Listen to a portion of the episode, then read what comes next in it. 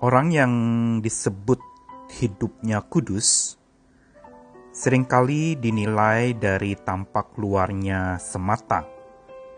Misalnya, tindakan-tindakan yang dilakukannya, atau mungkin tutur katanya, atau mungkin juga tampak luar dari penampilannya.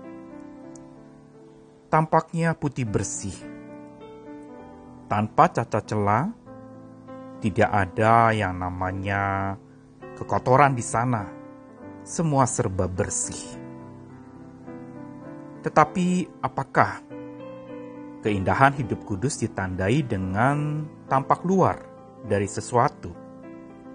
Apakah indahnya hidup kudus itu dinilai dari kegiatan rutin yang tampak putih bersih itu? Tetapi penuh dengan sandiwara dan bukan dari sebuah kebenaran, tapi kepalsuan yang dibuat sedemikian rupa agar tampak di mata orang lain itu kudus. Tampak di mata orang lain itu indah dilihatnya. Apa sebenarnya yang dimaksud dengan keindahan kekudusan itu? Saya Nikolas Kurniawan, menemani di dalam Sabda Tuhan hari ini. Sabdanya menyapa lagi dari Mazmur 29, Mazmur yang ditulis oleh Daud yang mau mengisahkan tentang kebesaran Allah di tengah badai. Terkhusus Mazmur ini berbicara juga tentang pengalaman-pengalaman badai yang dihadapi oleh penulisnya atau Daud sendiri. Mazmur 29 ayat yang kedua mengatakan demikian. Berilah kepada Tuhan kemuliaan namanya. Sujudlah kepada Tuhan dengan berhiaskan kekudusan. Melanjutkan puji-pujian pengagungan kepada Tuhan di tengah-tengah badai yang dihadapi oleh Daud. Ayat 2 dari Mazmur ini menunjukkan kepada kita sebuah pembelajaran yang bukan semata bicara tentang penghuni surgawi atau anak-anak Allah yang menyajikan sifat-sifat Allah dalam hidupnya.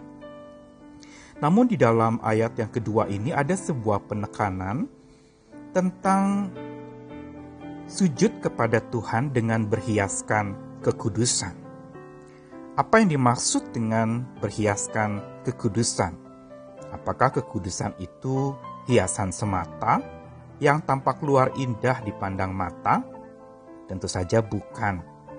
Tetapi pengertian berhiaskan kekudusan sebenarnya lebih tepat diterjemahkan menyembahlah kepada Tuhan dengan keindahan kekudusan. Keindahan kekudusan yang bukan semata bicara tentang keindahan kekudusan Tuhan, yang tentu saja maha indah dan sempurna itu.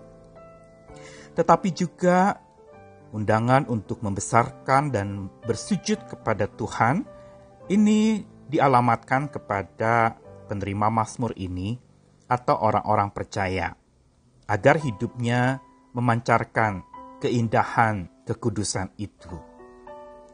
Yang ditandai bahwa keindahan hidup kudus bukan berupa kegiatan-kegiatan rutin yang disebut kegiatan rohani yang tampak putih bersih namun penuh dengan sandiwara. Ada kepura-puraan di sana, bukan berangkat dari sebuah kebenaran, tapi kepalsuan.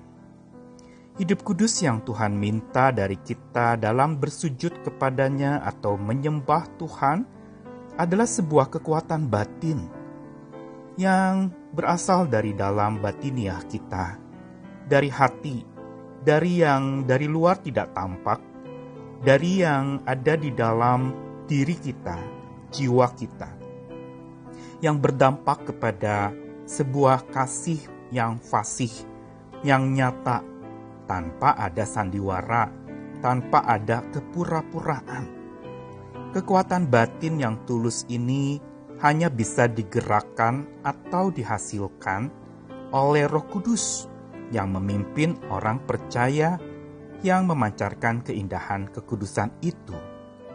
Roh Kuduslah yang membuat seseorang menjadi pribadi yang hidupnya kudus dan memancarkan keindahan kekudusan Tuhan melalui dirinya.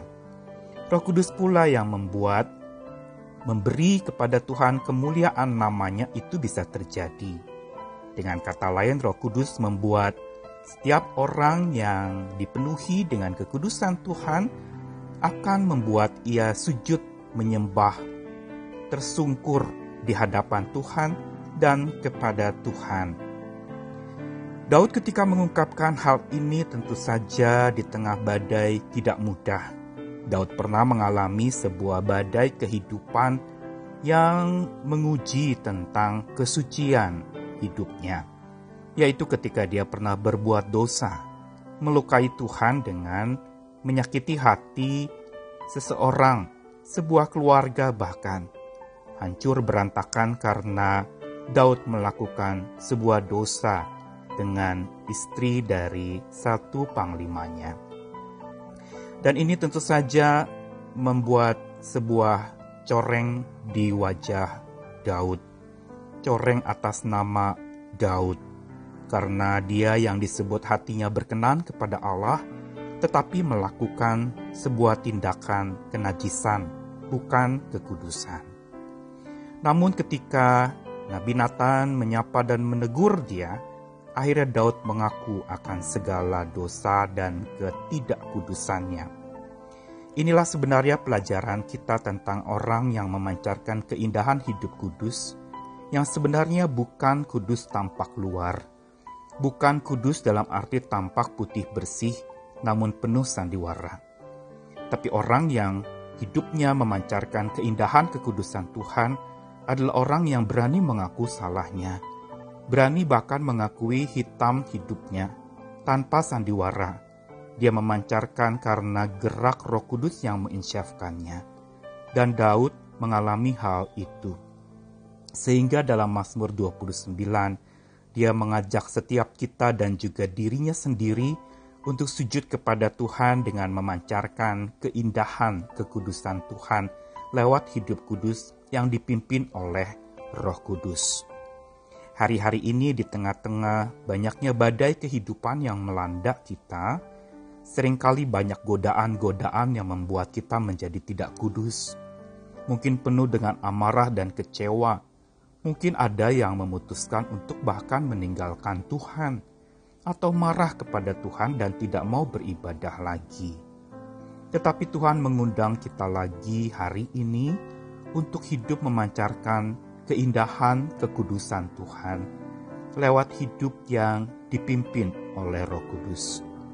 Hidup yang dipenuhi dengan kekuatan batin yang berdampak kasih yang fasih, yang tidak pura-pura dan biar Roh Kudus memimpin kita di tengah-tengah kondisi kesulitan yang sedang melanda hari ini. Justru undangan untuk semakin sujud sembah sungkur kepada Tuhan hari-hari ini menjadi undangan terbuka untuk semua orang.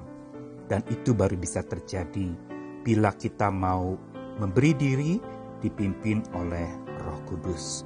Sehingga hidup rohani kita akan tampak nyata, sekalipun hidup jasmani kita sedang terancam, sedang muram, atau sedang menghadapi berbagai macam tantangan. Marilah kita memberi kepada Tuhan kemuliaan namanya, sujud kepada Tuhan dengan berhiaskan kekudusan atau memancarkan keindahan kekudusan itu. Selamat hidup kudus oleh pimpinan Roh Kudus. Amin.